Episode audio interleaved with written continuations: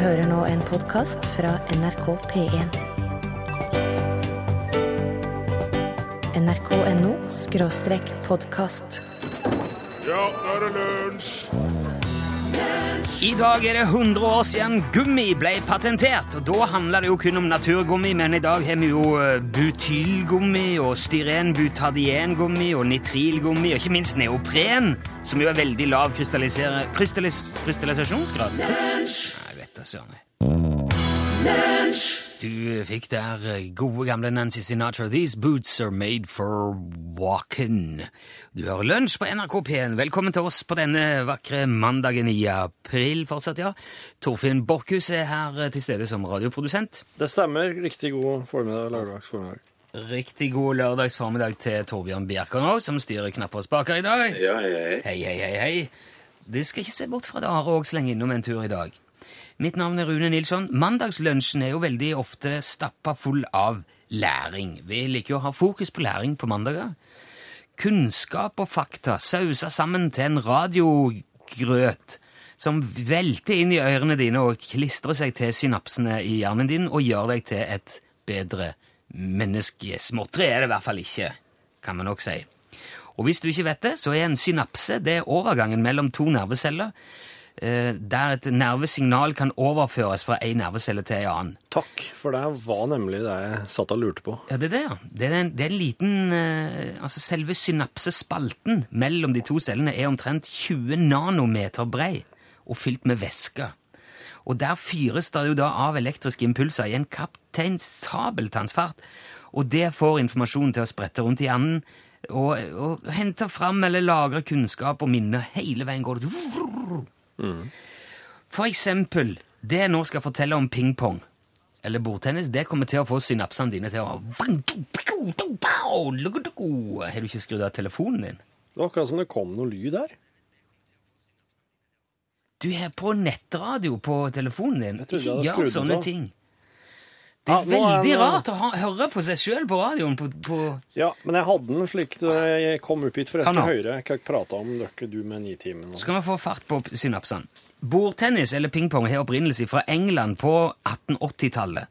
Da var det overklassen i England som brukte det som adspredelse. Kanskje eksempel etter en bedre middag gikk de inn i loungen eh, og tok seg en liten brandy. Played som ping-pong, eller whiff-waff, kalte de det gjerne. Det antydes at spillet oppsto uh, blant britiske militæroffiserer i India eller Sør-Afrika. De var jo mye rundt og reiste på den tida. Alt oppsto når britene var i India og koloniserte. tok, tok over og, og fant opp ting. Og så tok de seg med hjem, eh, dette spillet derifra. Det starta som et bokspill, kan man faktisk si, fordi at de stabla ei rad med bøker på høykant på, midt på bordet. Det fungerte da som nettet. Og så slo de en golfball fram og tilbake med hver sin bok som uh, racket. Ja, ja. Og etter hvert så begynte noen smarte hoder å lage racketer av sigareske, og så lagde de baller av champagnekorker, for de spratt litt bedre. Skar det til, og lagde runde korkballer. Det var bra at de gjorde det, da. Ja. Og dette ble utover slutten av 1800- og begynnelsen av 1900-tallet så populært at de første spesiallaga racketene og ballene kom for salg i butikk. De, de så et kommersielt eh, potensial her. Og eh, de første racketene var laga av skinn, som var trukket over en ramme og påmontert et håndtak. Og da ble de solgt enten som whiff-waff eller ping-pong. Og i 1901, to, to, 1901 tok J. Jacques and Son patent på navnet ping-pong.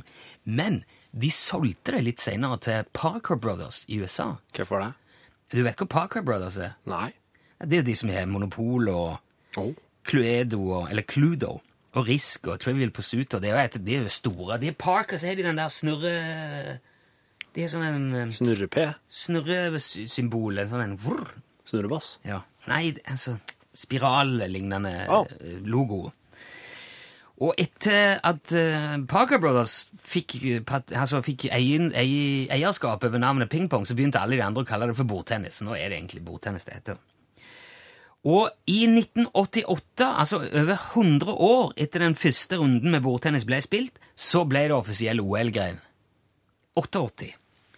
Og de beste bordtennisspillerne i verden kommer enten fra Sverige eller Kina, som regel.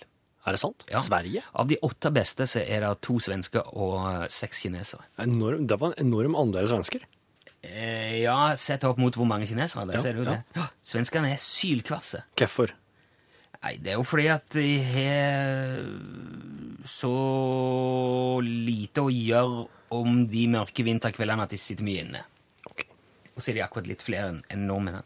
Kjenner du at synapsene er i gang? Kjenner jeg det? Kjente det godt nå? Flott. Da eh, bare hold oppe tempoet, for det er, mer, det er mer saftig info som kommer. Men først nå Katy Perry.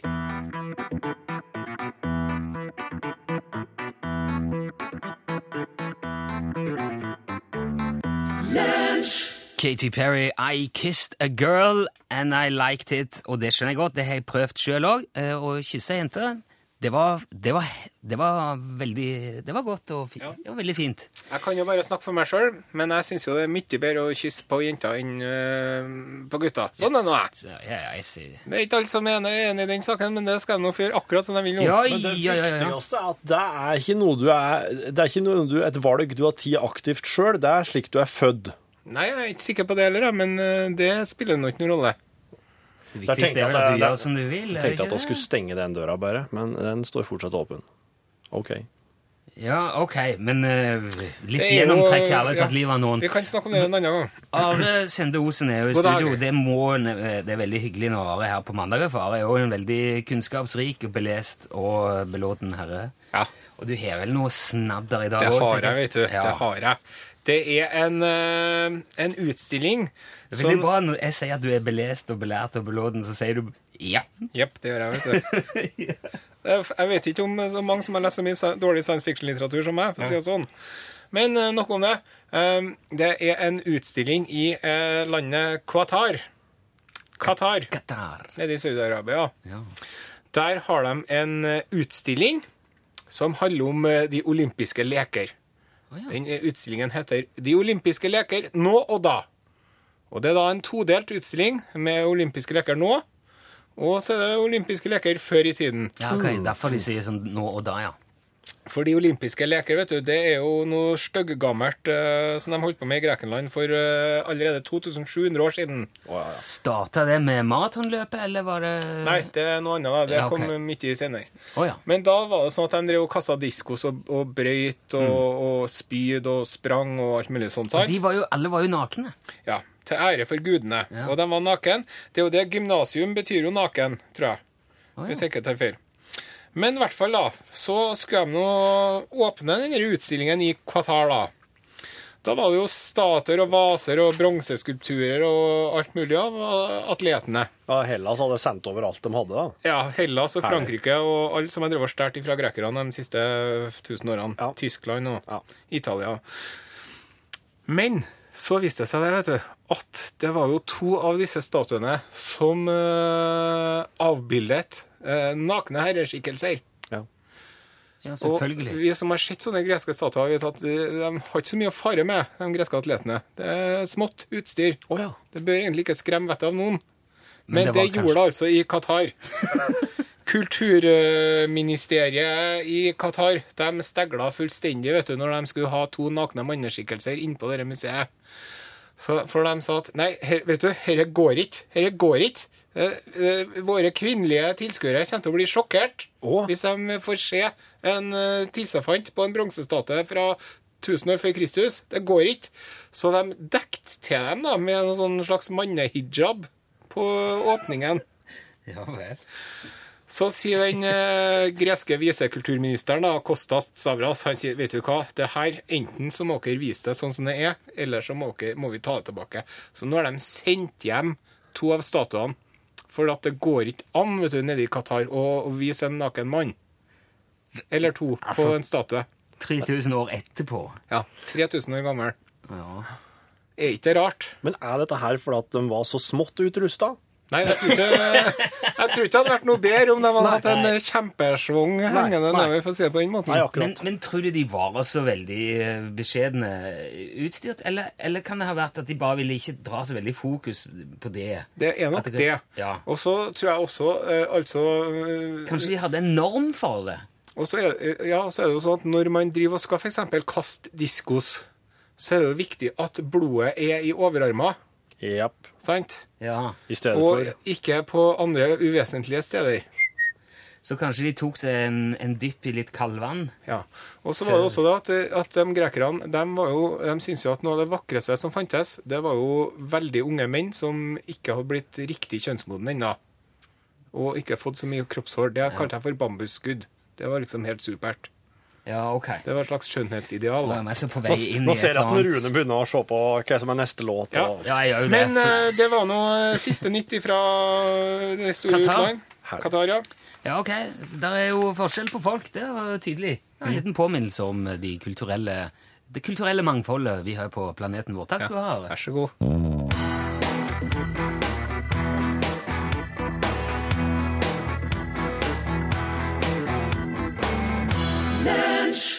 Marvin Gaye og Kim Weston sammen sang It Takes Two Flaks, for de var jo to. Nettopp. Det er jo eh, ei skjønn forening av folk. Det er jo bryllup, ikke sant. Da blir det da forenes to stykker. Ja. Da møtes de, da samles venner og slekt. Alle står rundt, og du står der. Du er i bryllupet. Er Jeg er gjest. Du er gjest, ja. Ja, okay. Du skal ikke gifte deg. Nei, jeg er, er jo gift. Jeg hadde ikke Du har ingen forpliktelser. Nei, å nei, så jeg, kan, jeg har bare kledd meg ålreit og kan bare stå der og Ja.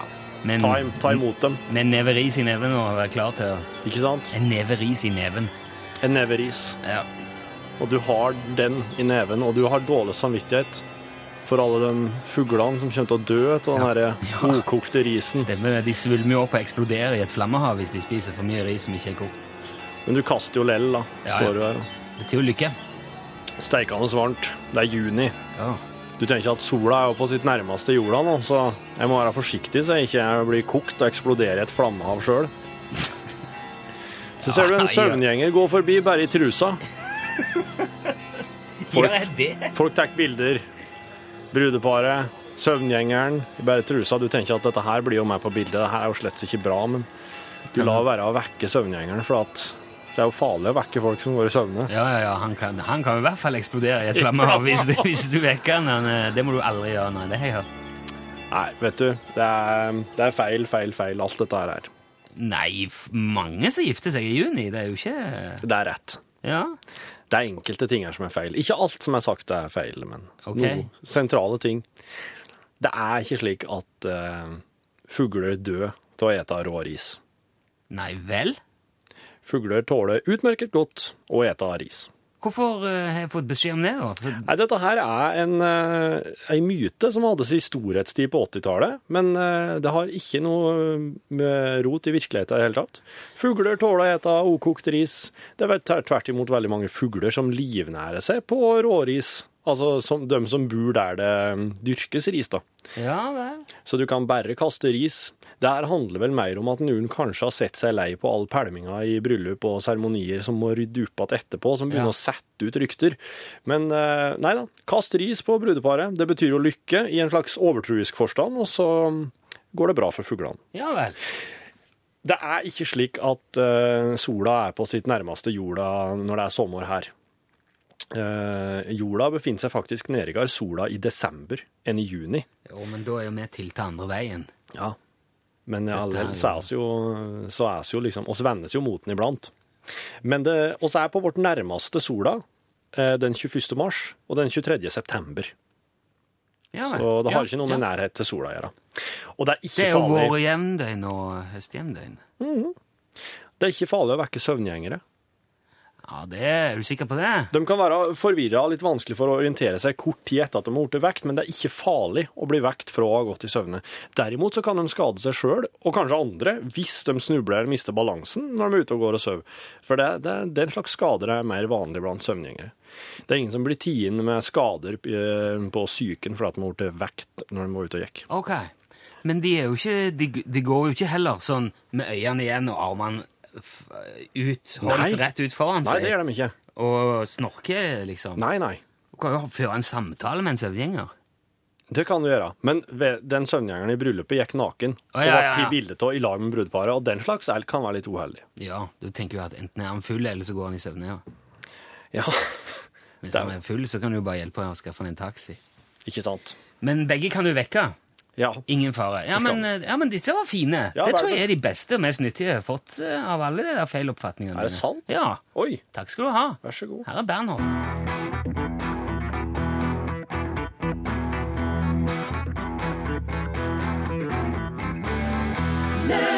Det var, ja, det var jo eh, Bernhoft, det. 'Choices' het eh, låten. Jeg har fått en eh, SMS fra Tømmer-Thomas. Og etter å ha lest den, så har jeg gått tilbake til i mine notater og funnet ut at eh, jeg sa jo innledningsvis at det er 100 år siden gummien ble patentert i dag. Og eh, at det da dreide seg mest om naturgummi og, og sånn. Det er jo eh, så, det, Jeg bomma på 100 år der. For det er 200 år siden. Det var i 1813. Og, og, så jeg har altså gjort det igjen, da.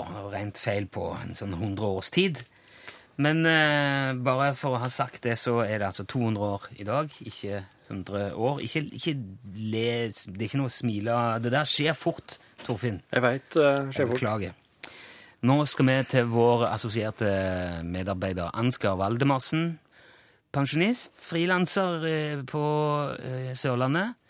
Han er jo fortsatt i folden, han får lønn. eh, Så det han leverer, det må vi sende.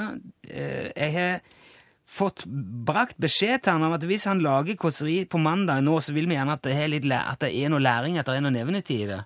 Ja, At det er litt fokus på læring i ting. lurt. Og det tror jeg faktisk han har tatt til seg. Så her er dagens kåseri fra Ansgar Valdemarsen. Man lærer så lenge man har lever, sa alltid min nabo Garman. Og det burde han vite, for han mista nesten hele leveren sin under makrellfisket en stormfull augustkveld i 1917. På den tida reiste gjerne eldstegutten i familien ut på sjøen som fire-femåring for å spe på inntektene til familien. Og forholdene var jo ikke akkurat fulle av ting som var lette å få til. Garman var førstereisgutt og ble satt til å være sjakkelvrenger. Så da Dorgelina skulle hales, så var det han som vringte sjakkelen hver gang han eh, kryssa seg sjøl. Det var tungt og krevende arbeid, og Garman måtte være veldig oppmerksom, så ikke markekroken eh, skulle skjære seg inn noe sted og rive av en arm eller et kne i kampens hete. Det verserte nok av historier om de som kom hjem både uten fingre og lår fra makrellfiske, så Garman var veldig nøye når han vrengte sjakler. Men akkurat eh, denne dagen lå de på nordvesten, da en tyrkisk rødhval plutselig hoppet opp i båten med et brak. Og det ble selvsagt stor oppstandelse om bord, for selv om den eh, tyrkiske rødhvalen ikke ble så fryktelig stor, er han kjent for å kunne bli veldig, veldig sint. Så det var om å gjøre å enten slå den i hjel, eller få den i sjøen igjen så fort som mulig. Men på den tida var makrellfiske fryktelig dårlig på Nordvesten, så det var lite med fangst om bord fra før. Derfor ble kaptein Brasse umiddelbart oppsatt på at rødhvalen skulle slaktes der og da og selges i passe stykker på bystranda den samme eh, formiddagen. Så han skrek ut til Garman at han skulle overvrenge begge sjaklene like under halefinna på rødhvalen, slik at han ble liggende i ro, sånn at halerne kunne eh, ha han i hæl. Men eh, stakkars eh, Garman hadde ikke lange nok armer til å overvrenge de store makrellsjaklene, så da rødhvalen eh, gjorde et byks, så ble Garman hengende i spenn mellom ryggfinner og eh, spinnakeren. Da ble jo selvsagt òg sjaklene dratt mellom Garman og rødhvalen, slik at Garmans lever spratt ut og skled over dekk som en mopp. Men dette var ikke eh, første gangen kaptein Brasse hadde sett den slags, så han slengte seg så lang han var og satte kniven i leveren akkurat idet den skulle til å, forsvinne over rekka. Garmans lever ble riktignok klippet i to, men det var mer enn nok igjen til at Garman kunne dytte en solid bit på plass igjen. Man trenger jo som kjent ikke mer enn eh, 25% av leveren for at han skal vokse ut igjen, så man ble helt frisk. Men han sier den dag i dag at han lærte ingen verdens ting så lenge leveren hans lå der på dørken. Derfor lærer man bare så lenge man har lever. Og eh, det tror jeg vi alle sammen kan lære noe av. Det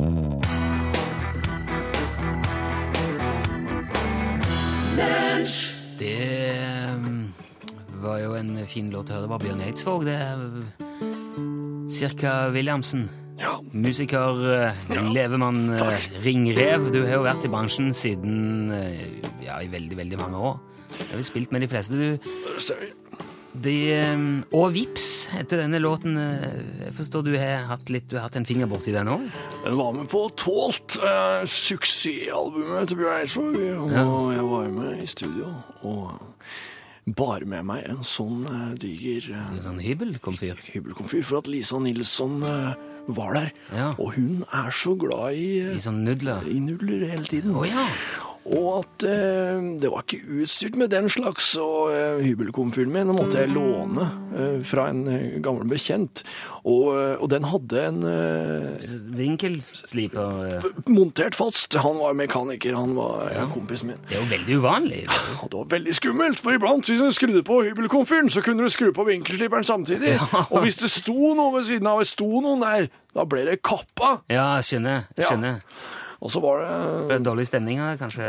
Det blir veldig dårlig stemning hvis Ja. at noen kapper noe uten å ha sagt ifra først. ikke sant.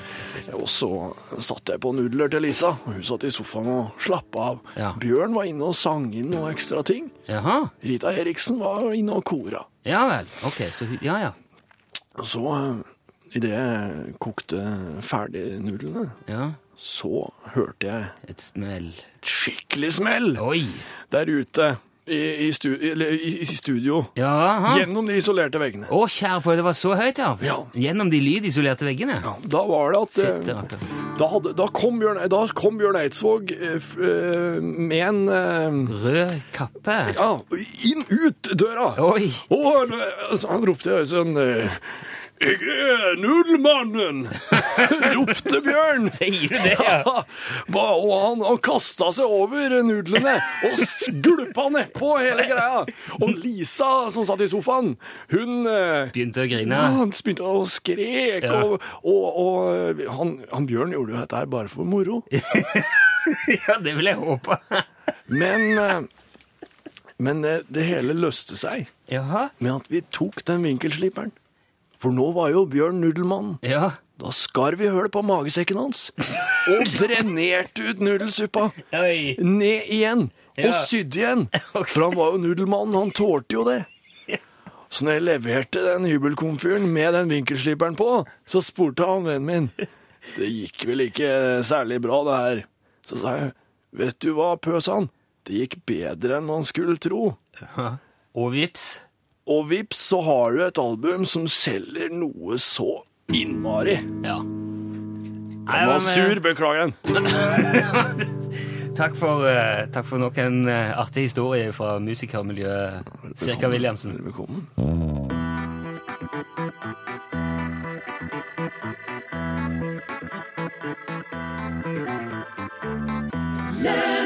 Moo, hørte du der, og eh, låten Far Away. Eh, Et stund etter at sendingen vår var ferdig på 26. Hvor blir det? I alle fall. Da sendte Øystein en tekstmelding. Nå å tenke over. Hvor mange hestekrefter har egentlig en hest? Ja. Eh, og da er det jo veldig nærliggende å tenke ja, det er jo én, for det er jo en hests kraft. Og det er jo det man regner på. Så hvis du har en bil som har 100 hestekrefter, så kan du kjøre like fort som 100 hester springer. ja, ja, du, eller det er vel mer hvor mye de drar og sånn. Men, men jeg sjekka det og det viser seg det at eh, i, eh, i litt sånn eksplosiv kraft, altså der og da, det, det som er maks av det en hest kan yte, det er faktisk nesten 15 hestekrefter. Fjor- 14,9. Men eh, hvis, du, hvis du ser på det mer som et snitt, altså hvor, hvor mye han kan yte over tid, Ja. hva som er liksom den gjengse ytelsen Ja. Den hesten, jeg vet ikke helt, jeg er ikke klart å finne akkurat hvor mye tid, men da er det under én hestekreft. Da er det kanskje ned mot 0,7. Ja. Så eh, en, eh, en hestekreft er liksom det, den, det er det daglige mer. Ja. 14, hva å være 14 hestekrefter? 14,9. 14,9 hestekrefter. Da, er det liksom, da står du om livet, da. Ja, da er, Da kan du nyte nesten 15 hestekrefter. da er de liksom fulle av adrenalin og løfter løfte et bilvrak av noen som har Da er de sånn En, he- alt de kan.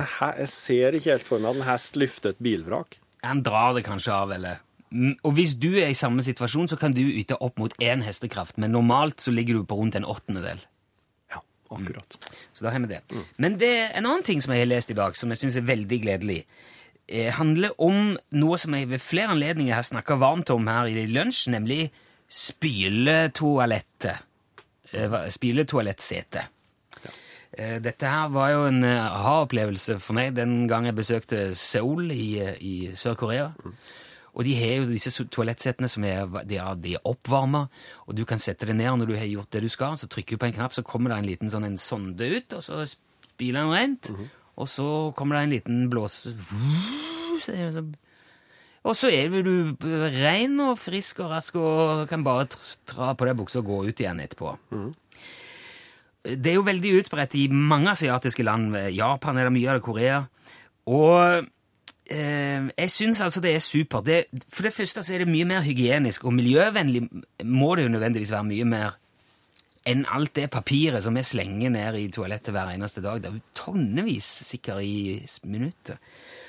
Og dette er kanskje ikke det hyggeligste å ta akkurat nå i lunsjen, men det er en veldig naturlig del av det å være menneske. Og hvis du spiser lunsj nå, så vet du òg at det kommer ut igjen. Før eller siden. Og det som kommer ut, er ikke nødvendigvis alltid så hyggelige greier. Så det å vaske det bort med vann og spyle rent er jo mye bedre enn å smøre det utover med papir. Sorry, altså, men det er jo det. Er, vil du noen vei med det her nå? Ja, jeg vil det. Ja. Ja, for det, nå kommer det til Norge òg, altså en seks-sju millioner år etter at asiatene her eh, begynte med dette her, så kommer det altså til Norge. Og det har blitt vist fram et toalettsete på Gjør din bolig bedre-messa i Stavanger nylig, til en prislapp av 35 000 kroner. Og jeg tenkte at jeg skulle nevne det, fordi at hvis du tenker som meg at eh, dette her kan være veldig fint å ha, og kanskje savner det til og med, hvis det hadde hadde vært mulig å bare få tak i, så hadde jeg nok kjøpt det og putta det på. Men ikke til 35 000 kroner. Det er derfor jeg ville bare nevne det. Jeg gjorde et kjapt søk på internett og fant en modell eh, Det var vel i USA. Den kosta 370 dollar. Litt over 4000 kroner.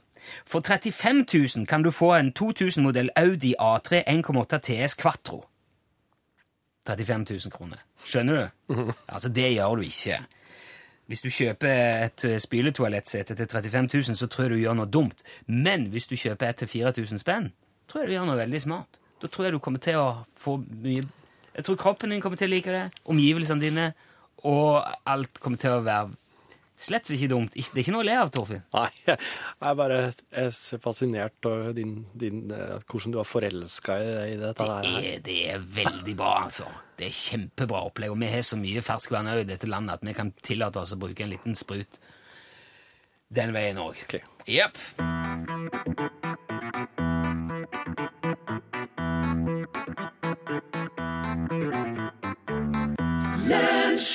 Det var Keisers Orkester, Drøm videre, Violetta. Sigbjørn uttrykker bekymring på vegne av dorullnissen dersom disse mm, spyletoalettsetene blir veldig utbredte. Ja. Da vil vi kanskje miste Hvem er dorullnissen? ja, Det er jo han nissen av dorull. han som alle lager i barnehagen og i, tidlig på skolen. Å ja, slik, ja! Og vi snakker jo ikke bare nisse heller, vi snakker påskekyllinger og ja, altså en veldig stor del av alle de religiøse høytidene i Norge er jo basert på gjenbruk av toalettruller. Så jeg ser jo at det er noe der, men du kan jo kanskje ta en sånn kjøkkenrull. Så får du en kjempenisse. Ja, den blir stor, ja. Ja. Og så um, skriver også Ingrid at på sykehus og enkelte hotell er det montert et sånn lite dusjhode ved toalettet. Det er jo rimeligere og mye mer praktisk, så det kan jeg skaffe meg. Det bruker de mye i Thailand.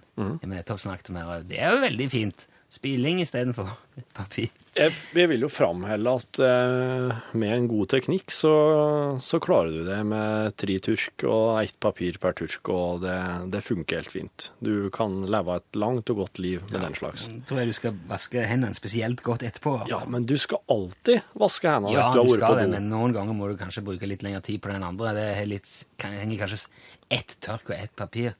Nå er det på vei inn i Nå blir det Du ba om det. Ja, det var okay. du som starta dette her. Ja, ja. Må reklamere. Men jeg gjorde det på en veldig sånn hygienisk og sånn fremme, liksom Det er du som begynner å trekke fram ett lite ark og Nei. La oss bare la det ligge. En hestekreft er 75 kilo på én meter på ett sekund hvis du trekker det rett opp, skriver Espen. Eh, kan du si det litt saktere. Arnfinn skriver at én hestekreft er 735 watt. Så fem hestekrefter er 3675 watt. Ehm, ja, én hestekreft, 75 kilo, én meter rett opp på ett sekund. Hvis du trekker 75 kilo én meter opp på ett sekund, det er én hestekreft. Oi. Skriver Arnfinn. 75 kilo? Dette her får vi ikke tid til å Wow. Ja, ja, men vi snakker hester, altså. Du tenker at du klarer bare en åttendel til vanlig? men jeg kan faktisk klare det hvis det er full krise og testosteronnivået på maks. Så kan jeg ta 75 kilo og bare! Ja, du kan, altså, et menneske kan yte opptil én hestekraft Mm. i eh, ja, Kort, kort tid. kort, kort tid må det jo være, ja. Mm. Nå, ser, nå sitter jeg og ser på klokka mens For nå ble det så mye snakk om det der dopapiret at hvis vi starter ei låt nå, så er vi altså, får vi bare spilt bitte litt av den. Eh, kan altså ikke prate om noe andre annet enn Pål Plassen kommer. Ja.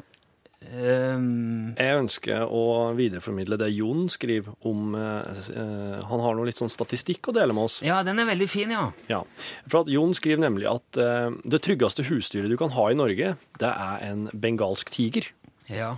Og det viser statistikken, for at eh, hittil så har ingen blitt skada av bengalske tigre i Norge. Nei. I private husholdninger. ja.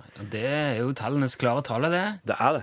Nå tenker jeg at Pål Plassen, som akkurat kom inn døra, tenker jammen skal jeg skaffe meg en bengalsk tiger i løpet av uka, tror jeg. Kanskje jeg skal bruke onsdagen, for da er det fri. Ja.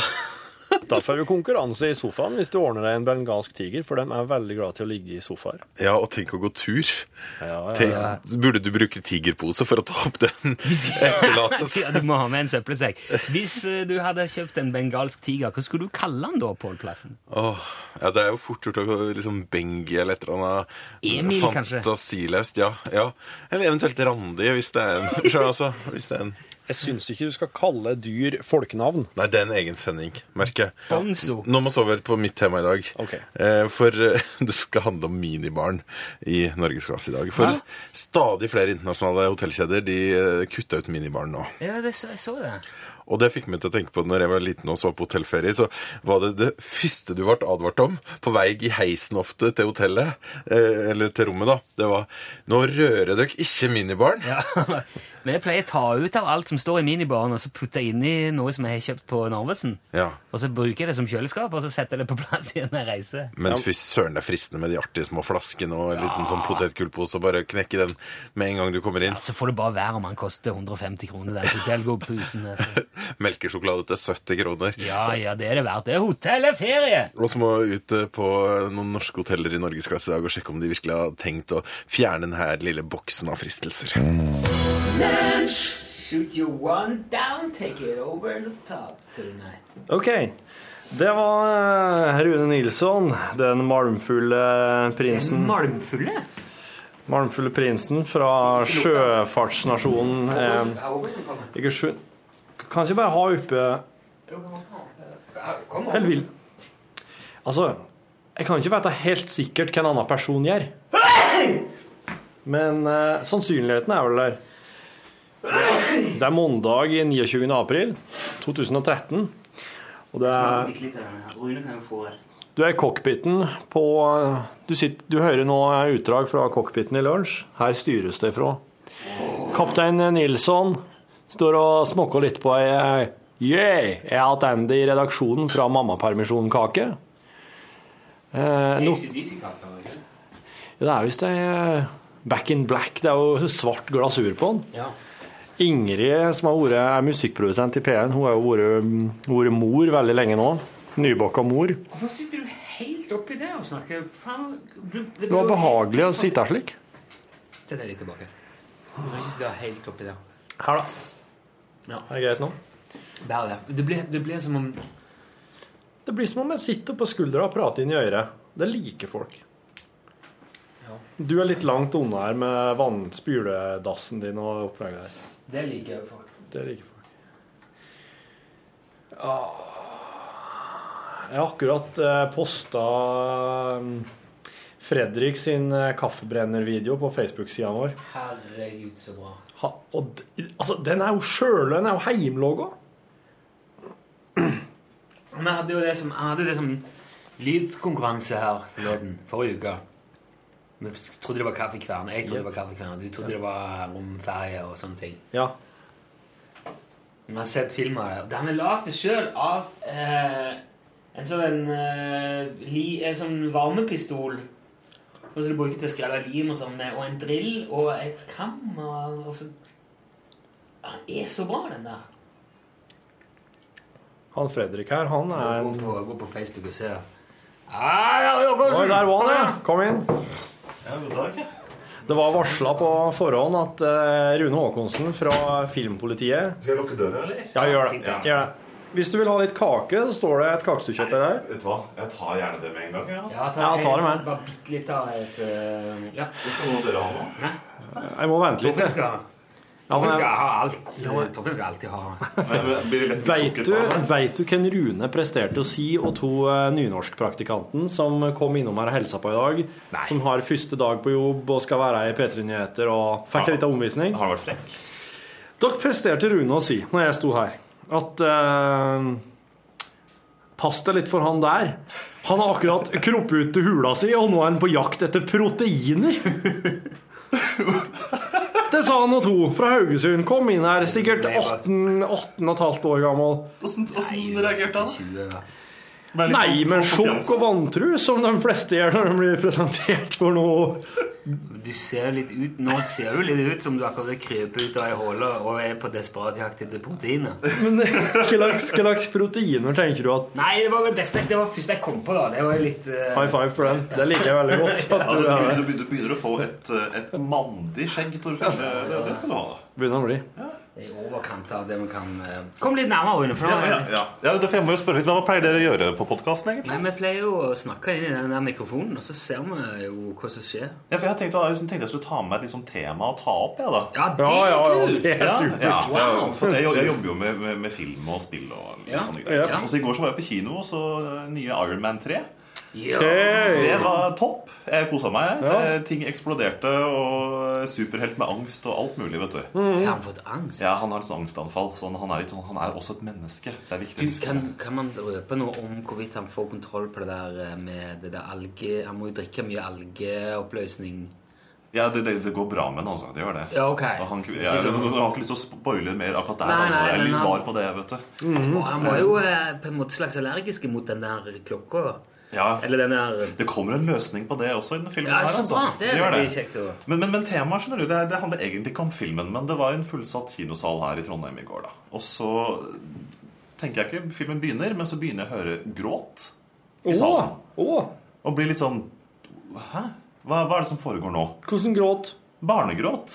Åh, Og det her var på En liten liten unge? Ja, men så viser det seg at det er en gutt som jeg ville tippe kanskje var fem-seks år, som er med mora si og ser denne filmen. Oh. Og jeg vil jo si at det er jo, helt, det er jo veldig feil. Ja. Det er en uh, altfor voldsom film for, for en, en, en sånn unge. Men, men da lurer jeg på hva er den rette måten å reagere på? Jeg, jeg, jeg, jeg, skal innrømme, jeg var pyse.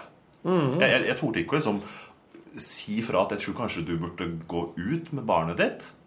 Fordi at det veksla mellom denne gråten når det var skummelt, og, og, og, og, fin latter når det var spennende. Wow. Men, men det ble en veldig sånn ubehagsfaktor etter hvert der. Så du eh, foreldrene? Fikk du Ja, altså, de satt, eh, ikke sant, Jeg satt på rad fire, og så satt de på rad tre litt til venstre. Litt lenger bort. Så du kunne se liksom ned på de eh, Ja, Da kunne jeg se at denne, denne guttungen satt jo krøk seg sammen når det var skummelt, og det var, det var gråt, liksom. Og da ble ble jeg litt sånn i etterkant tenkte jeg sånn, bur- Burde jeg ha grepet inn her? Hva slags aldersgrense er det? Jeg tror det er 15. Og vil 15 si at du kan i selskap med da kan du vel ha med ned til 11. Men hvis det er 11-årsgrense, så kan du jo ha med enda yngre igjen. vet du. Det er det som er så rart med disse aldersgrensene. Ja. Men, men, men tenker du at jeg burde grepe inn her og sagt liksom, og, og prikka på skuldra og lent meg fram og sagt Jeg tror kanskje du må gå ut, jeg.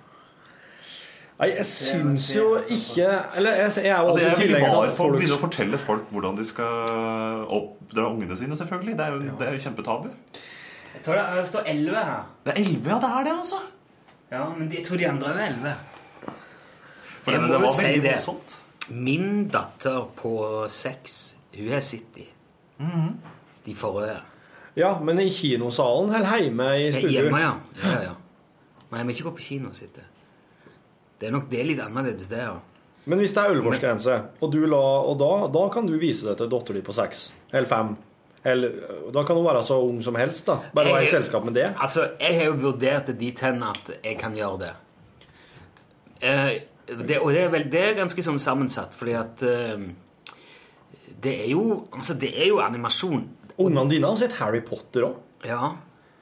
Det er jo jævlig skummelt. Det er jævlig De Jeg er har en åtte veldig gammel nevø glade. som, eh, som på en måte Vi har vært veldig aktive på å lese gjennom bøkene Ja. først, og så se filmene. For da, da er man litt forberedt og skjønner hva som skjer. Men, men altså her, det var sikkert det at det var høy lyd, veldig overveldende. Ja. Gedigen kinosal, ikke sant? Så, men det, det, det ble en sånn Jeg, jeg tror det var flere i salen som merka at det her var en sånn litt sånn øh, Uff, det her er ikke bra. Når du hører barnegråt, altså. Nei. Det var rart. Jeg hadde ikke heller sagt ifra. Jeg hadde jo ikke det. Nei. Jeg hadde ikke gått bort og sagt Men òg fordi at det hadde ikke vært noe kult for verken foreldrene eller guttungen at du Og så kommer en fremmed mann og kjenner på pappa. Ja, ja, ikke sant? Det er kanskje enda mer traumatisk. Eller enda kjipere. Og så hadde det blitt krangel ut av det. Og hva faen eh. Ja, men, men, men kunne jeg ta sagt fra etterpå at uh, det her virka ikke som sønnen din syntes var så ålreit? Jeg tror det er i vår i, i, Altså, jeg, jeg har jo ikke barn, altså nå spør jeg dere Nei, som har barn. Men jeg tror i Norges rikeste land er det meningen at du skal gå og skrive det på en blogg eller noe sånt etterpå. Så, så. Eller diskutere det i en podkast. Ja, eller snakke med en podcast. Og så, og så håpe at vedkommende hører det. Og kanskje få i gang en offentlig debatt. Det er det målet Det er det man må. Men jeg syns at du skal gå ifra kinosalen når ungen din begynner å gråte. Jeg synes det er så ubehagelig at du begynner å gråte. For det har jeg måttet ha gjort. For at jeg tok med ungene mine for å se Modig, den animasjonsfilmen Ja, om hun rødhåra vesle jenta i skogen og svære bjørner og greier. Da eh, Eldstemannen min han syntes det var utrivelig. Å, men den er skikkelig bad altså, når det drar seg til. Ja, Når den da- svære bjørnen kommer ned i det, og det Ja, den, pappa, jeg, jeg syns jeg vil gå, sa han. Ja, greit. oss går. Og gikk oss sånn eh, en tredjedel inn i filmen, kanskje. Ja, ja. Og han har ikke sagt noe om at han har lyst til å se den om igjen ennå, nei. For at han ikke har fått sett den ferdig. Nei. Men jeg syns jo at du skal skånes for den slags ved at de som sitter i billettluka, er nødt til å ta disse her vurderingene for Ja, det, det kan jo godt hende at de gjorde det i dette tilfellet. At de sa at dette er en voldsom film som ikke Ja. egner seg for de minste, kanskje. Ja, men han hadde teknisk sett hadde de lov til å ha den med, sikkert. Og men eh, sånn Hvis han begynner å gråte og sånn, så er jo det noe som forstyrrer andre sin kinoopplevelse. For at unger som gråt på kafé, ok, det er én ting, men i kinosalen Ja, Ja, jeg er det, det er det, men, men jeg mest tenker mest på, på kidene her, da. Det var, det var jo Ja. tenk for han, det, det er Unger tar jo ikke skadet skade til å gråte, på en måte. Nei, men hvis han er redd Det er mer der. Ja. Jeg tenker at Hvis det ligger at han er faktisk er redd mulig, vet du. Det er jo for å bli redd for uh, Jo, ja. Unger Når jeg var liten, så var jeg jo huset, hysterisk redd for å gå tom for bensin, og så ute og kjøre bil. Så Du var redd for at far din og mor din skulle gå tom for bensin? Jeg bare Å, tenk om du går tom for bensin! Du er nå en ganske egen kategori av det meste. Av! Og så bare sa far min til meg Kjøl av. Slapp av. Slapp av, ja. Kjøl av. Det er, det er sånn du sier hvis, Cool down, man. hvis du er redd for at båten skal gå varm, motoren skal gå varm. Kjøl av. Kjøl av. Kjøl av er jo det du gjør når eh, du lasker båten for høsten og drar av kjølen. Hva lasking er? Kan du beskrive lasking? Er vi på båtbegreper nå? Ja. Ja, for du er jo kjent med. Tråkne. Tråtne. Tråkne, ja, ja, Tråkne, ja. det er noe, Gamle trebåter, det ja. er noe Du må senke gamle trebåter så at treverket utvider seg under vann. Det svelger i vann. Ja, Ja, utvider seg. Eller så kan du smøre det inn med smør. eller... Kan du beskrive lasking? Nei, lasking er jo sånn som jeg bare bruker når jeg føler for det. Men egentlig så er jo lasking Det er en ting! Ja. Ja, ja. Du kan vel laske tau, tror jeg. Så kan du òg laske tre stykker. Men, men hva, hva gjør man Du legger, hvis du har to eh, planker for eksempel, som du skal ha i hop, så legger du en liten bit imellom dem, og så eller fester du. Og Da lasker du sånn at det, det blir ett stykke, da. men du må ha et skjøtestykke imellom. liksom. Så lasking er en slags skjøting. Ja, sånn som jeg oppfatter det i hvert fall. Ja, for at lasking er nemlig et, et eh, ord som blir slengt veldig mye rundt i lunsj, i Jeg universet. syns det er et veldig bra ord. For at det er Lasking, ja. Du må, du må laske kjølen. laska innvollstarmen og sånn. Det brukes litt sånn fri, Ja. tol fri tolkning her. Ja, det var lasking på flensemeisen, og da kom det Ja. huset inn i turken. På tverrbo, i tver, alle tverrboene var jo underlaska. Ja, det var underlaska, ja. Nå må du legge stat på revet, sånn at det ikke sprekker opp. Nå, nå bare nikker jeg og smiler. Ja, Men du har jo hørt på den podkasten her før. Du vet Ja, ja. jo at uh, det er en viss Men jeg, jeg føler ikke, vi er ikke helt ferdig med det der med de ungene nå. For jeg, jeg eh, Når du sa det der med modig, det er jo en det er jo animasjonsfilm. Ja. Men det er jo Iron Man òg. Det er jo en animasjonsfilm, bare det at det er fotorealistisk animasjon. Men det er blod. Er det mye blod? Det er eksplosjoner. Ja. Det er mennesker som blir skadd. Jo, men er, tenk deg om. Er det blod? Ja. Ok. Men altså, det er ikke sånn at du, du, du ser ikke liksom at, Men altså, det, det, eh, ja, Hvor mye skal jeg si nå uten å Greia at det er noen eksplosjoner, da. Og det er mennesker som dør i disse eksplosjonene. Ja. Og det er ubehagelig i disse tider. Jo, men det kommer seg selv. Jo, men, Men så er det også dør de? Dør de sånn veldig at de dør, eller bare faller de, og så er de De, faller, altså, altså, de, de, de blir skada, og så vises det at det kan være litt blodig på seg. Men du ser jo ikke at de faktisk dør. Nei, men, gjør man ikke. nei, men akkurat det der er jo litt sånn Men er ikke antydningens makt også vel så sterk, da? Ja, men da er det ikke mye du kan For så vidt sant. Men så mener jeg at ungene har et helt annet uh, forhold til det der enn Altså, jeg husker når jeg var, når jeg var liten, så var det veldig mye snakk om Indiana Jones, denne første Indiana Jones-filmen, 'Raiders of the Lost Ark'. Og der var det, det, det var, Den var så sagnomsust, fordi at der er det Altså, fjeset til en fyr smelter. Ja, når de er på den toppen, og så skal de åpne arken. Ja. Altså, når de åpner arket, så smelter jo trynet til han der tyskeren. I'm a Nazi officer! Oh my god, my face is melting! And my glasses are... Og det, var- det var sånn Har du sett det? Nei, nei, nei. jeg har du sett det? Ja, jeg har ikke sett det. Så, har du sett det? Tilsvarende eksempel, og det er for at jeg så den filmen her faktisk på, på søndag. Hvem lurte Roger Rabbit? Ja. Når han, bad guyen, blir overkjørt av en dampve- dampveivals Ja. og skriker sånn derre ja. Og jeg husker, Det var, det var traumatisk, det. altså. ja, det var det. Jo, men eh, det mener jeg Og det, det, er så, ja, det er masse eksempler i det i ET, for eksempel. I, i nyutgaven av ET så har plutselig alle agentene De har fått bytta ut haglene sine med Mobiltelefoner. med mobiltelefoner og walkietalkie. Digitalt erstatta. Ja. Det er rart, Det det. er rått. Og jeg så Goonies igjen for ikke så lenge siden. Og den er jo drøy, altså. De skyter etter de der ungene. Og det er Men de, de ungene som så finner han litt rare Ja. typen Ja, på skattejaktting. Hva heter Hva- Goonies på norsk? Den heter Goonies. Heter ja. Jeg heter alltid Goonies, okay. den. Ja. Jeg blander alltid Goonies og Coneheads, faktisk. Ja. Oh, ja, det, Det er ikke helt det samme. Det er noe. Men, jeg, men eh, jeg tror de er, eh, for det første har jeg inntrykk av at man er veldig bevisst på det der. Og det tror jeg det er helt klare regler for i USA, at hvor mye blod du kan ha, eller hvor mye tydelig et dødsfall kan være før du bikker Før du ikke kan være 11 lenger, før du blir 15 eller før du blir 18. da. Ja, Da har du den trenden med at filmer gjerne klippes om sånn at de unngår en såkalt 18-årsgrense, restricted, for å få yngre publikum. Ja, ja, ja. Mer penger. Jo yngre folk som kan se jo mer penger er det jo i det. Og, og jeg, jeg, jeg er jo ikke Jeg er ikke redd for Det er mye av det som ikke Guttungen min han er jo ti da, snart. Han er mye mer sånn Han syns jo Iron Man er kjempekult. Og, og er liksom på Potter. Star Wars digger så Men det ser jo alt det der. Og, og hun yngste er jo med. Og jeg merker jo at de ikke det går veldig veldig greit. De har et veldig sånn avklart forhold til det. De skjønner, de skjønner forskjell på, på fantasi og virkelighet, og de skjønner fiksjonsbegrep på en helt annen måte enn en det vi gjorde Det er så etablert med er, nå, stuper vi rett inn på den dype sida av bassenget for øvrig, altså. Men hva denne måte eksponeringen, Internett, YouTube, konstant medieforbruk gjør med hvordan vi ser på ting, det, det, det lurer jeg veldig på. For det Altså, jeg er jo en ung type, født i 85. Men har fortsatt liksom vokst opp med det måtte året- spole på VHS-spilleren, ikke sant? Det var det året Baltimore slapp Tarzan Boy. Hæ? Det var det året Tarzan Boy kom ut. 85. Nei, men igjen. Tarzan Boy. Tarzan Boy. Oh, oh, oh, oh, oh, Har, har Tarzan en sønn Ja, ja. med Louis? Det var en sang, sang om han Baltimore. Er det sønnen til Baltimore? Tarzan Baltimore? Nei, en låt som heter Tarzan Boy. Dere pissunger. Et band som heter Baltimore nå. Det er en artist som heter? Baltimora. Baltimora. Er det her en norsk artist med sånn humor? Nei, nei, nei, nei. nei. Baltimore, Boston, tenker jeg på det. Boston, more than A feeling. Ja, Ja, ja. er med, da med.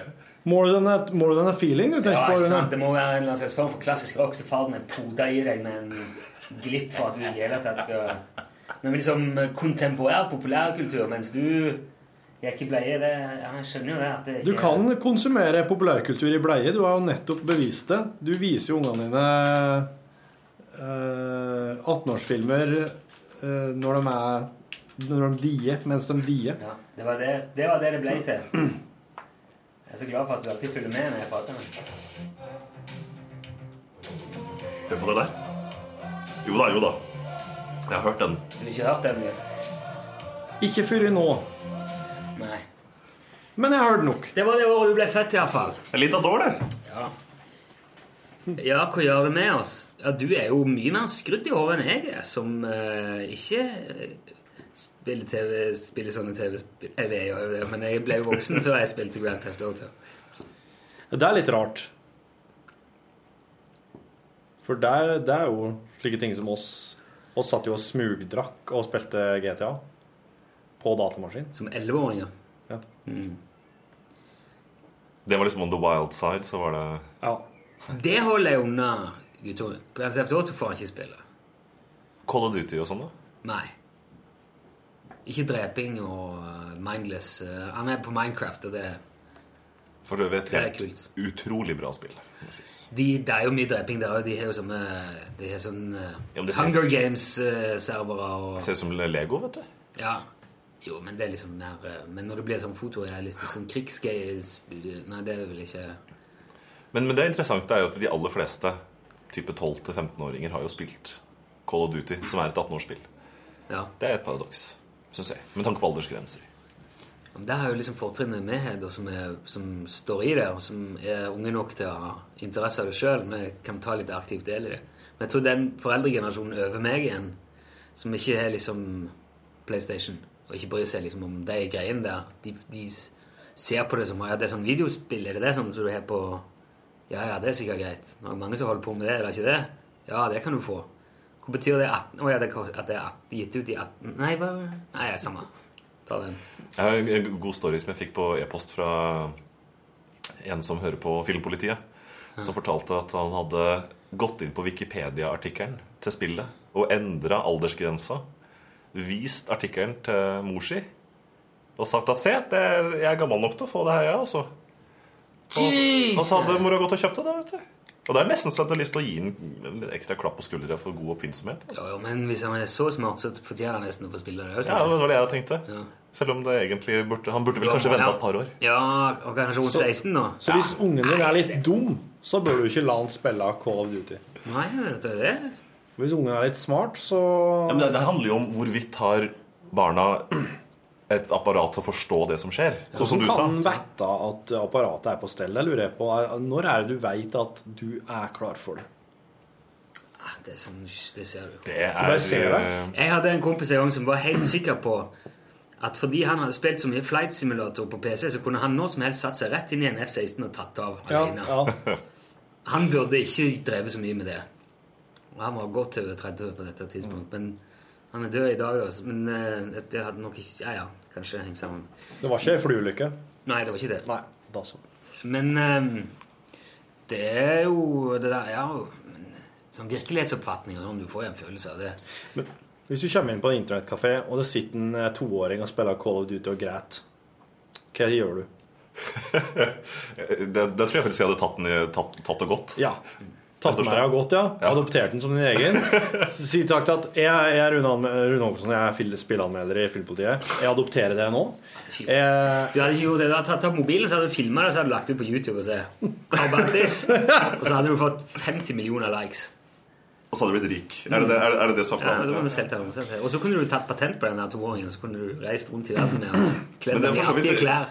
en digresjon der òg, men det å tjene penger på internett, det, det er rart. Eh, for, Hvis jeg får lov til å bytte tema ja, vær så god. for jeg, Har du hørt om dette fenomenet som heter bitcoin? Nei. Jo! ja, jeg har hørt snakk Som har vært litt sånn snakk i det siste om Ja. en sånn internettvaluta som har gått litt i taket. Det har jeg hørt det så vidt. Og jeg, jeg, det, det her skjønner jeg ingenting av. Jeg skjønner ikke hvordan det fungerer. Jeg skjønner ikke helt hvor opphavet er. Det er en valuta som ikke har knytta noe land til. Mm. Det er en bestemt mengde, så det er litt sånn som gull. Altså Du kan ikke lage mer av det. Å, Men så har det greia da at en kompis av meg Han kjøpte dette for fire år siden. 30 dollar. fantes det for Ja, fire år siden? Ja, det har vært ganske lenge, skjønner du. Å ja. Eh, Men så han kjøpte for 30 dollar 1000 sånne bitcoin-mynter. Ja. Da kosta de sånn 0,03 Ja. dollar per stykk. Ja. Nå solgte den seg ut. Da kosta det 300 dollar per stykk. Koster 851 kroner for en bitcoin. Kom, er det sant da? Han betalte liksom 15 øre han, da han kjøpte seg en. Fikk første utbetalinga på 200 000 denne uka her. Holy fuck! Ja, altså, jeg tenker, Det er sånn man tjener penger på internett. Jeg skjønner ingenting. jeg. Men eh, hva kan du bruke bitcoins til, da? Eh, Har du Det er, det er noe- at Du kan egentlig ikke bruke det i noen butikker heller. Det er der som er det merkelige at det rett og slett er som en sånn, ver, sånn verdipapir Ja. for å sikre pengene dine. Fordi at det er så mange land som går ad undas. Ja. Men du, dette her er jo, det her er jo en fys... Er det ikke en fysisk mynt? Nei, nei, det er det det ikke er. Det er det som er så utrolig forvirrende. Det er rett og slett Det er en digital valuta En som har hatt en enorm vekst siden oppstarten i 2009. Ja. 800 Framtidens valuta. Ja, de, de sier det. Jeg, jeg tror ikke helt på det. Da. Men nå har denne fyren begynt å få utbetalt noe penger. Da, så. ja. Så, men han har, bare hatt, han har bare hatt det og sittet på det til han nå kan Han, har cashe ut. han, han har ikke tenkt på det. vet du. Decentralized digital currency.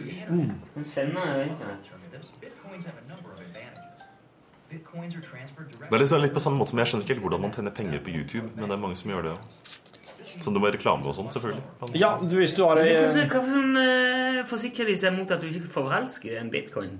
Jo, men det her er det interessante, for at når du får denne valutaen, så får du også en, en, en eh, digital nøkkel, fil, som hvis du mister denne fila på disken din, så mister du også pengene. Så alt er knytta opp til denne ene identifikasjonsnøkkelen. Ah. Så de, det er liksom Og det er sikkert så bank? Jeg, jeg, jeg, jeg, skjønner, jeg skjønner ikke. Jeg skal være helt altså, ærlig og si jeg skjønner Banker er jo ikke. ikke så veldig sikre, viser det seg. Så. Nei, nei, nei, det er noe sant, da, men eh, Men, men det er veldig fascinerende å se at det faktisk da har vært noen tidlige gründere som har eh, fått noe greit med avkastning allerede der. altså.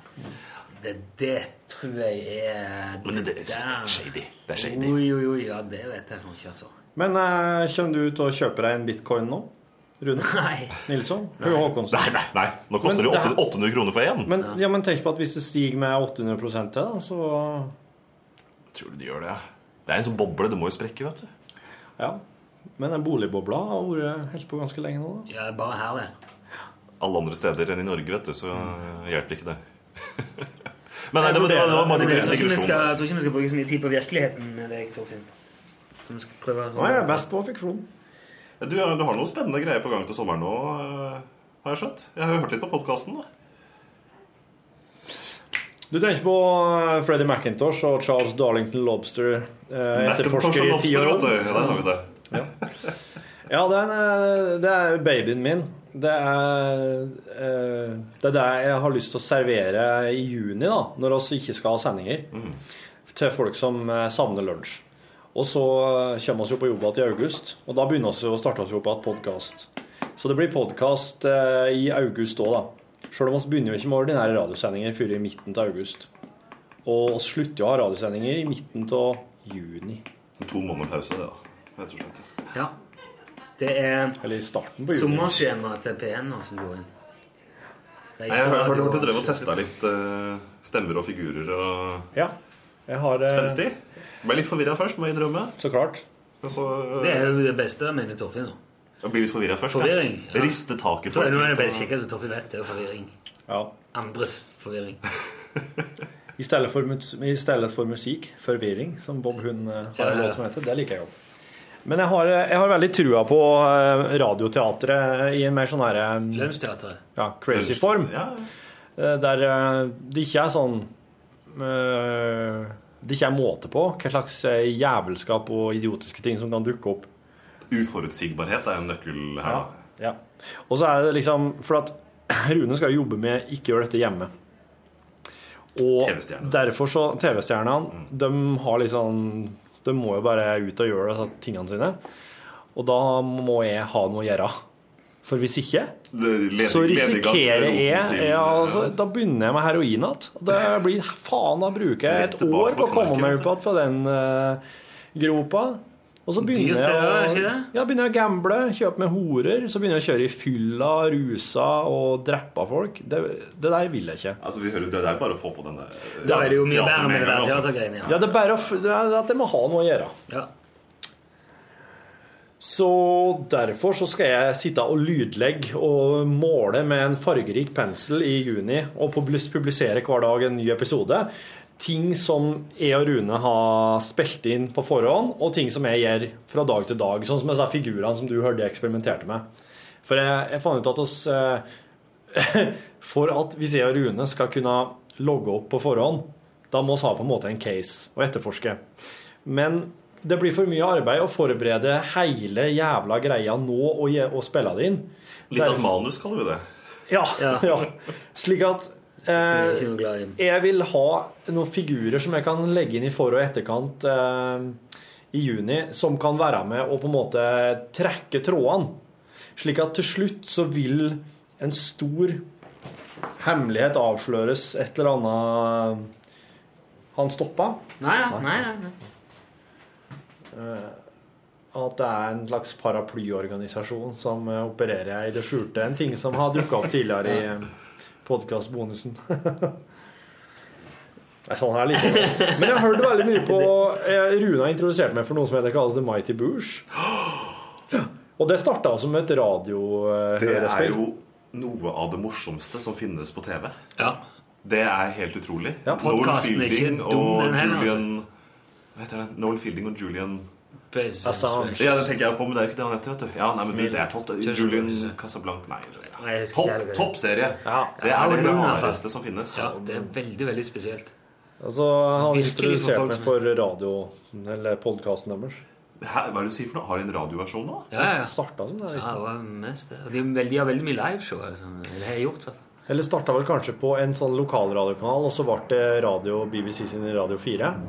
Og så ble det, men, men det der som har gått på radio da, har liksom blitt en, eh, og en podkast. Men den podkasten som ligger på iTunes nå, er veldig sånn eh, Den er ganske sesong én. Det Sånn veldig i startgropa? Ja, nei, nei, mye av de samme liksom De er i dyrehagen, og Ja. det, det er han eh, Foster Ja, for du har ikke Du har visst med sesong tre eller noe sånt, du, på TV-en. Sesong én er med andre ord TV-versjonen er med andre ord mye av det som foregår i ja, Det er mye felles tre- Han reiser til tundraen der òg. Ja, så finner de en hemmelig verden som de skal finne igjen en gammel her, det, her, det her hører jeg at jeg skal sjekke ut med en gang. Jeg Ja, det må du gjøre. går ut av podkastrommet her. da. Det er jo Jo, vet du grunnen til at vi gikk rett på sesong tre? Er fordi at den er Det er en fin plass å begynne, for den er rett og slett litt mer tilgjengelig. For det er ganske Ja. heavy greier der. Ja. Ja. Og mm, sesong tre er ganske Den er lekker. Der ser du budsjettet pumpa, de har fått øvd seg litt og sånn. Hvis du går rett på første sesongen, så er det de gangene jeg har vist det der til folk, så sitter de sitter, Altså 50% detter av med én gang. det er jo veldig smalt laga. Veldig spesielt. Så du må, du må være åpen for de litt eh, Skal vi si eh, er alternative løsninger. vet du. Alternative løsninger. Det, det, det er godt sagt. Godt sagt det likte. For dere som sitter og hører på deg og lurer på hva du skal søke på, så må du søke på The Mighty Boosh, og det er da B-O-O-S-H. Og det er da The Mighty Boosh, The Complete Radio Series, The Original Staging. Og det ligger i, i hvert fall Det her er iTunes, da. Så Ja. Topp. det er verdt å tre sjekke ut. sesonger på DVD som er hjemme. Det er jo veldig artig. da. Ja. Crackfox og Old Greg. Jeg måtte vise Crackfox til Got a uh, mangina. Mangina. Nå blir det internt. her. Hva er det han sier for noe, crackfox? Han eh, Oh, please, dear sir, won't you take me into Vær så snill, ta meg inn i varmen, liksom, og la meg få bare noen få minutter. Oh, OK, da, sier han fyren. Så kommer det sånn her eh, Ja, så kommer jeg til å, til å slå deg i huet og forbryte meg på det. Et Det er jo eller til denne boka, til, Naboo. Men altså hele den gjengen rundt denne serien her er jo kanskje noe av det morsomste som finnes i, i engelsk humor for tida. Altså, Ar- Arvtakere til Monty Python, mener jeg, fordi de er så absurde. Ja. For du har, uh, sånn, men på en sånn oppdatert, veldig sånn Ja. kul måte. Men det er jo en, en norsk type inni her òg, vet du. Inni der? Inni den gjengen. Ikke akkurat, uh, Han er vel en noen gjesteroller, tror jeg, i The Mighty Bush, men Richard Ayoade. eh, Som han har en uh, Hva slags eh, rolle han spilte? Eh, Wow! Det er ikke sikkert han spiller i Mighty Bush, men den gjengen har laga flere serier. Uh, Richard Ayoade, som har et sånn fryktelig vanskelig navn å uttale. Britisk mor, norsk far, eller omvendt. Jaha. Si det jo, det er jo så Richard Richard A-y-o-a-d-e. Han har regissert bl.a. Submarine, en kjempefin uh, film. Er det han der? Ja, Han i uh, IT-gjengen. IT-gjengen, ja. ja. Han er halvt norsk. Snakker han norsk? Han snakker delvis norsk, ja. Nei, men nei, det gjør han ikke. Eh, Han, han, han, Han heter LF til mellomnavn. Altså, Richard LF Ayoade, ja. Du, han er virkelig Han spiller en ganske eh, stor rolle i, i hvert fall sesong tre. Han er trollmann. ja, ja, ja. Som eh, Men hvis man sjekker på de andre seriene som den gjengen her har laga, så er det mye artig. Og Ja. min favoritt her er 80-talls-sykehus-spoofen Dark Place.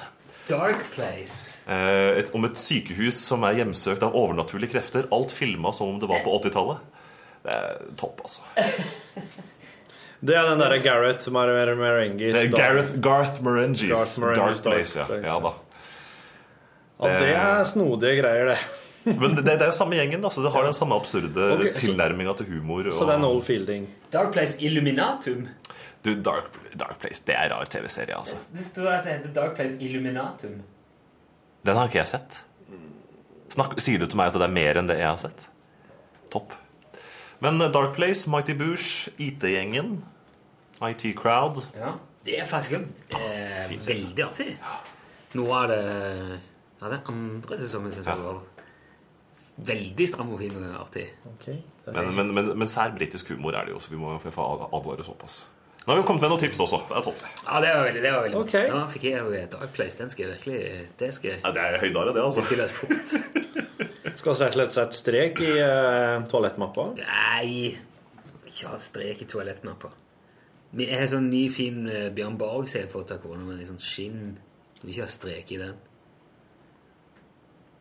Med en liten eyeliner eh, på kinnet. Bare en liten tanke til slutt. Når jeg reiste hjem fra Egersund nå, i går, så hadde jeg i skulderveska mi toalettmappe og et kilo kjøttdeig. og veska var igjen. Og han gikk i røntgen. Det var ikke et ord. Vær så god. God tur, sa de. Du fikk med deg et kilo Et kilo kjøtt, ja, to halvkilo. Pakke, Har, har, har, de, har de kanskje tatt så myka opp på reglene nå, eller? Er det... Jeg var litt spent, for det har jeg ikke Jeg tror ikke jeg har tatt med som håndbagasje før. Jeg kjøper alltid kjøtt. Det er, Det ser sikkert ut som du har ei hjerne nede. ja, eller, Vi, eller vi, noe vi, bør ikke kødde med den fyren her. Vi bare lar Nei. den gå. Ja. Nei, men, gå. Jeg lurer på hvor- om de kan de liksom se Ja, det er kjøtt. Eller så er det, er det der eh, C4, eller er det noe annet? En klump med noe Hvis det det Det- har vært i tvil om det var C4, da hadde den stoppa. Men det kan jeg i hvert fall fortelle de som lurer på det. Kjøttdeig som håndbagasje. No problem. No Take it away, Mr. Man. Take it away. Det var dagens fotnote. Takk for at du lasta ned podkasten vår. Vær så god. Han sier det hver gang. Ja, Omtrent hver gang. Det er i hvert Nei, fall det er, det er eh, veldig sjelden Nå kommer du ikke til å gjøre så mye heretter, men du har gjort en del. Slutt å snakke for nå stopper jeg. Du har nå hørt en podkast fra NRK P1. NRK.no podkast.